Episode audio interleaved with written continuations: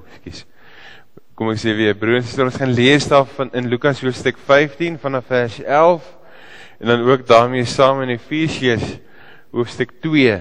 So ek wil vra dat jy jou vinger ook sommer by Efesiërs vir my oophou voordat ons gaan lees. Kom ons sluit die oë, dan bid ons saam. Here, dankie Here vir hierdie geleentheid, Here dat ons ook u genade wat U vir ons het kan getuig dat ons kan sê en kan kan sing Here van die liefde wat U vir ons het. So kom ons ook in hierdie oomblik kom bid en kom vra Here ook vir die leiding. Ons kom bid Here en ons kom vra U Here dat U woord vir ons sal oopbreek. Spreek Here. U kinders luister. Amen. So wat ons weet, is ons besig met 'n 40 dae reeks. Ons is vandag by die tweede gedeelte van hierdie van hierdie reeks, die tweede Sondag. En vandag gaan oor die gelykenis van die verlore seun. 'n Baie bekende gelykenis. En Jesus kom vertel hierdie gelykenis dan weer vir die skare mense. Hy sê verder het Jesus gesê Daar was 'n man wat twee seuns gehad het. Die jongste het vir sy pa gesê: "Pa, gee vir my die deel van die besittings wat my toekom." Hy het hierdie goed tussen hulle verdeel. Nie lank daarna het die jongste seun alles tot geld gemaak en van die ouer huis af na 'n ver land toe vertrek. Daar het hy sy geld verkoos deur losbandig te lewe. Nadat hy alles deurgebring het, het daar 'n kwaai hongersnood in daardie land gekom en ook hy het begin gebrek ly. Hy het sommer by een van die mense van daardie land gaan bly en dit het, en die het hom na sy plaas toe gestuur om die varke op te pas. Daar het hy gewens hy kon sy honger stil met die pele van die wat die varke eet, maar niemand het hom daaraan daarvan gegee nie. Toe kom hy tot inkeer en sê my pa het wie weet hoeveel dagloners en hulle het almal oorgenoeg kos en hier vergaan ek van die honger. Ek sal dadelik na my pa toe teruggaan en vir hom sê: "Pa, ek het teen God en teen pa gesondig. Ek is nie meer werd om pa se seun genoem te word nie. Behandel my soos een van pa se dagloners." En hy sonder versyn na sy pa toe teruggegaan.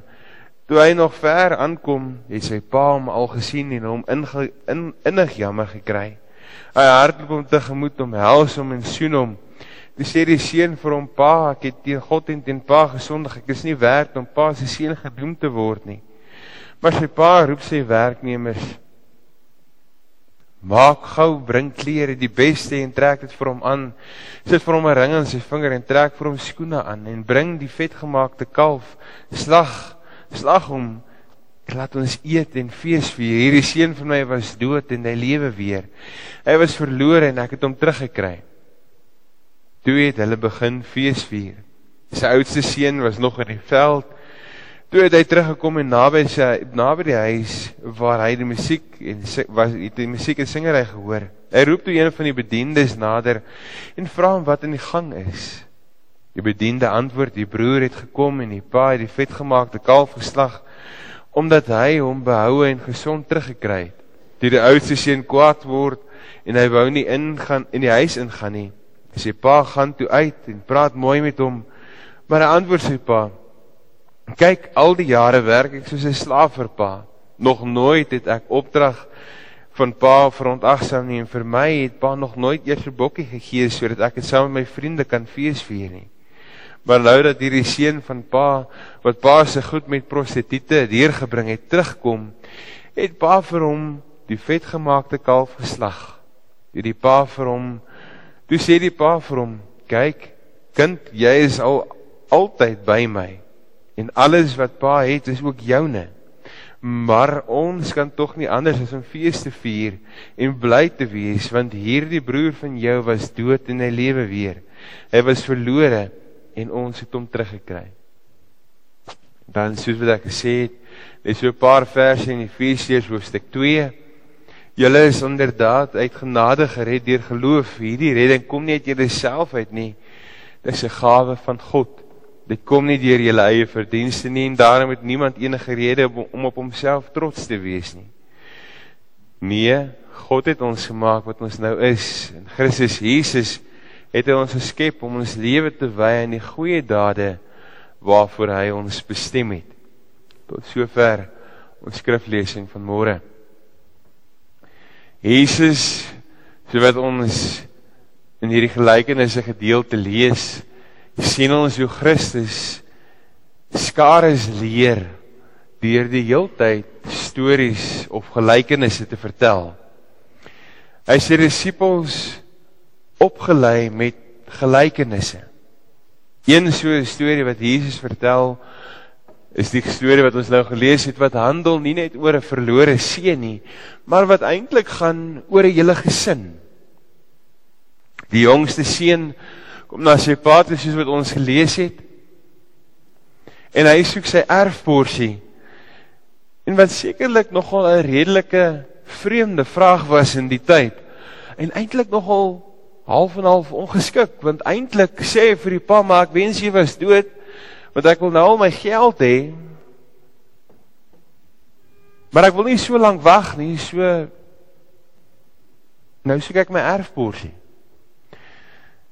En so kom hierdie seun, hy kry sy pa besluit dis reg en hy gee vir hom sy geldjies en sy erfporsie. En spreek woordelik in die triespieeltjie verlaat hy die plaas en hy gaan na die groot stad toe. Want hy het geld. En vir 'n ruk gaan dit goed. Die geld rol en dit gaan net goed. Maar dan raak dit op. Die hongersnood tref die land, so wat ons gelees het en iets wat die jonger seun nie sien kom het nie, is dat dit wat hy gehaat het ewe skielik dit wat hy afgeskryf het ewe skielik weer belangrik word. Want daar's nie 'n vangnet nie, daar's nie 'n familie nie, daar's nie vriende nie. Hy het eintlik niks meer oor nie. En op 'n baie vreemde manier kom sê die ryk hy uit om in desperaatheid om te oorleef, om geld te kry vir kos. En kom wys Jesus hoe in 'n baie fyn humorsin hoe hierdie Joodse seun hierdie Joodse jong man werk kry as 'n dienskneg by 'n varkboer.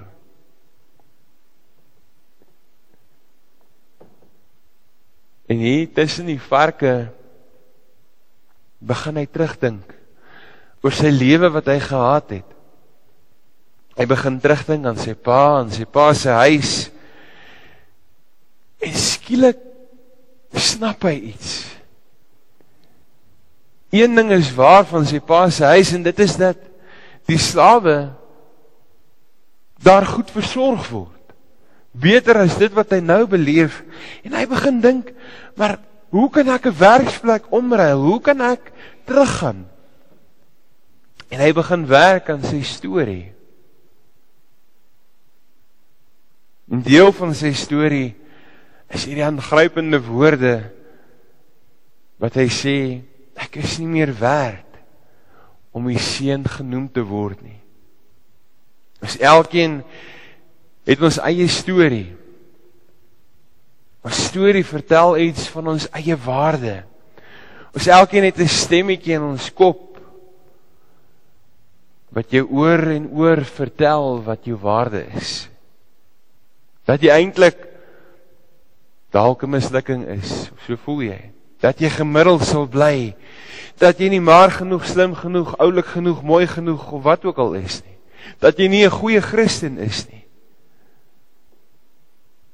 dat jy meer suksesvol kan wees. Elke mens het 'n storie. Party sukkel met verslawing, ander sukkel en voel eensaam. Soms is die storie wat ons van onsself vertel vernederend. Dis 'n storie wat afbreek, wat afkraak. En soms is die storie waar jy jouself vertel ook aan die ander kant hoe wonderlik en asemrowend jy is. Maar die feit bly is dat elkeen 'n storie het. So gaan die jong man huis toe met sy storie. En nog voor hy begin eintlik om sy storie te vertel, sien hy sy pa wat in die verte aankom. En die pa is nie kwaad of vies nie, maar hy omhels sy seun. En hierdie jong man begin so te vertel aan sy eie verhaal. En die pa sê vir hom: "Maar weet jy jy was dood en jy lewe weer. Jy was weg en jy terug ons het jou teruggekry." En dit dit is die vader se storie van die seun wat voel dat hy niks meer werd is nie. Hy gee hom 'n ring.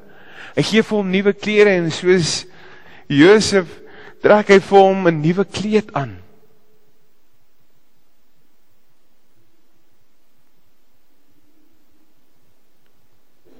Hulle vier fees in die vorm van 'n vetgemaakte kalf. En nou het hierdie jong man 'n besluit om te neem. Wat se storie glo ek myne? Waar ek sê maar ek is niks werd of glo ek die storie wat my pa van my vertel dat ek teruggekom het? Dat daar hoop is, dat ek was dood en nou lewe ek weer. Ek was verlore. Nou is ek teruggekry. Sy innerlike storie sal hom altyd reduseer tot 'n tweede rangse inwoner, maar die verhaal wat sy pa van hom vertel, herstel hom. Maak hom nuut. Gee vir hom 'n tweede kans. So wat ons die storie verder lees wat Jesus vertel, sien ons die tweede karakter wat bykom en dit is die broer wat eenkant bly staan omgekrap kwaad vir die wêreld kwaad vir sy pa en hy besluit hy wil nie deel hê aan hierdie feesviering nie sy broer wat weg was is terug maar hy wil niks daarmee te doen hê nie en dan sien ons hoe hierdie seun eintlik ook nogal redelik ongeskik is met sy pa. Sy woede is nie teen sy jonger broer nie, maar juis teen sy pa gemik. Hy spreek net sy pa ordentlik aan nie en hy vaar op 'n manier uit oor hoe hard hy vir sy pa werk. Hoe hy al die opdragte van sy pa nakom en hy nog nie eens 'n bokkie gekry het, so wat hy moet beskryf nie.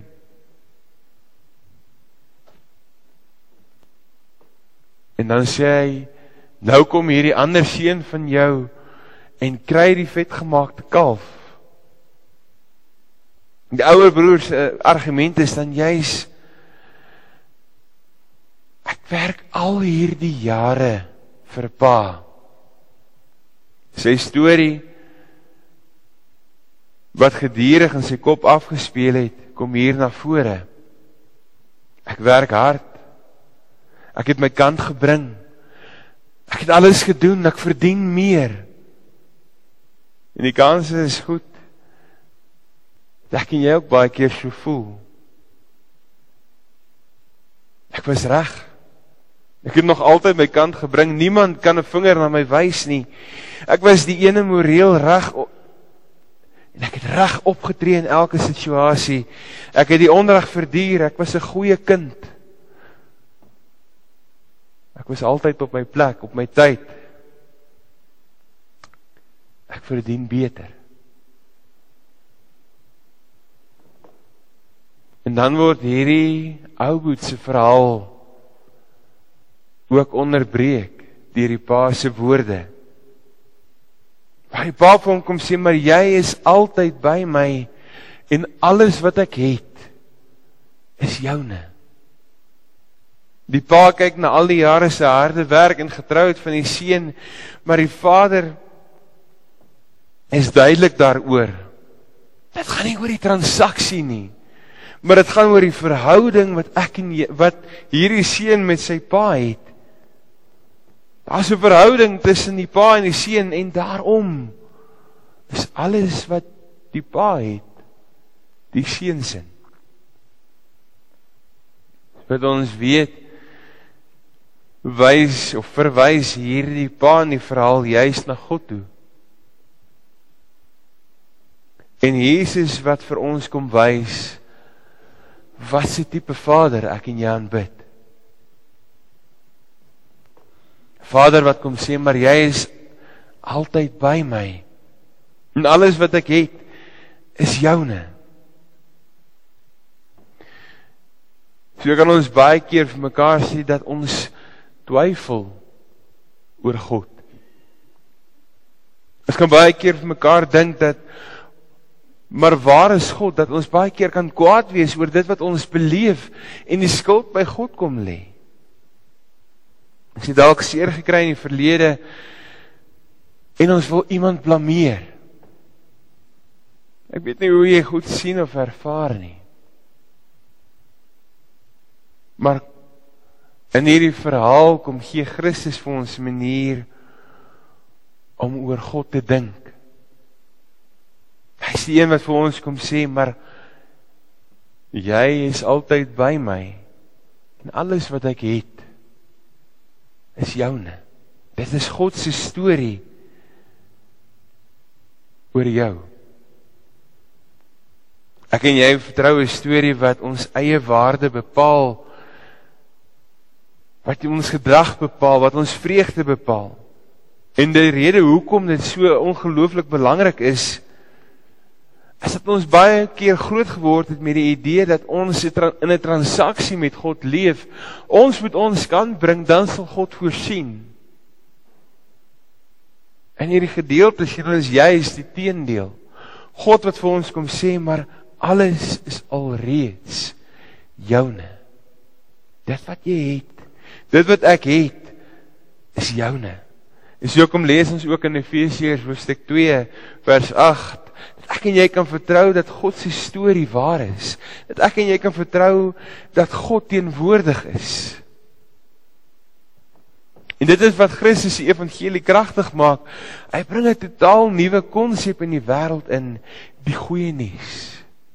Dat God ons nooit los nie, dat ek en jy nie op ons eie gawes kan of ons eie werke kan staat maak nie, maar dit is 'n God gegeewe redding. Dis genade onbeskryflik groot. God het die wêreld so lief. God het my en jou lief. Ons hoef nie sy liefde te verdien nie. Jy hoef nie tyd en moeite en offers en transaksies aan te bied om sy liefde te ontvang nie. Hy kom gee dit vir jou. Hy kom gee dit vir ons. Maak nie saak wat gebeur nie. Maak nie saak hoe ons aanjag in die lewe nie. Maak nie saak hoe ver weg ons is nie. God staan vir my en vir jou en wag met oop arms. En so lees ons in die, in hoofstuk 2 Efesiërs hoofstuk 2 vers 10. God het ons gemaak wat ons nou is. Hy is die Vader en hy het jou die lig laat sien. Dis die verband tussen jou en hom. Is ons kunskap. Is veel sterk, sterker as dit wat ek en jy baie keer dink 'n verhouding met God moet wees. 'n Ruil transaksie ek doen en God gee. Die verbasende is juis dat ek en jy in ons identiteit in ons wese met dit wat God kom doen ontdek wie ons is. Ons is God se kinders. Ons behoort aan 'n lewende God. En dit is amper soos hierdie Disney verhale waar die prins of die prinses ontdek, gewone mense ontdek dat hulle ewe skielik 'n prins of 'n prinses is. Hulle lewe, hele lewe moet hulle transaksie doen, hulle hele lewe moet hulle werk, arbeid verrig en probeer beter wees. Dan ewe skielik op 'n dag word dit duidelik dat hulle 'n prins of 'n prinses is. Elke mens dis wat ons mekaar kom sê as gelowiges is geskep deur God vir God.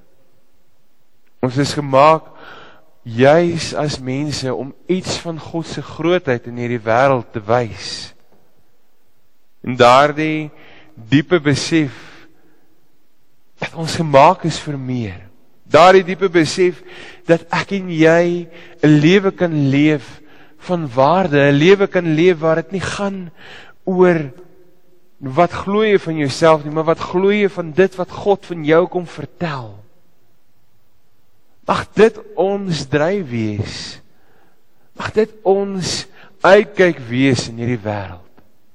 Mag ons mekaar sê maar God dink van my veel meer as wat ek vir myself dink. God kom staan my by. Ek kan niks doen om dit te verdien nie. Ek kan niks doen om God se guns te wen nie.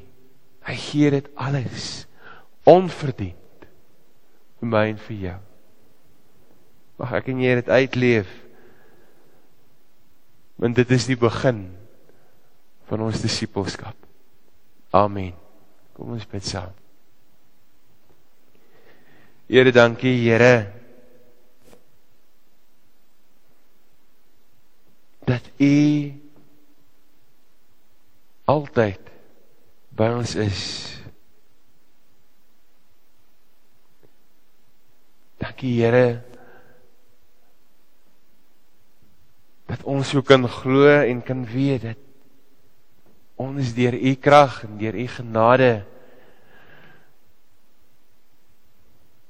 alles besit, alles het wat ons nodig het om in hierdie wêreld 'n verskil te maak. Here, dankie Here dat ons aan U kan vashou, dat ons kan weet U is ons God, U is ons Here.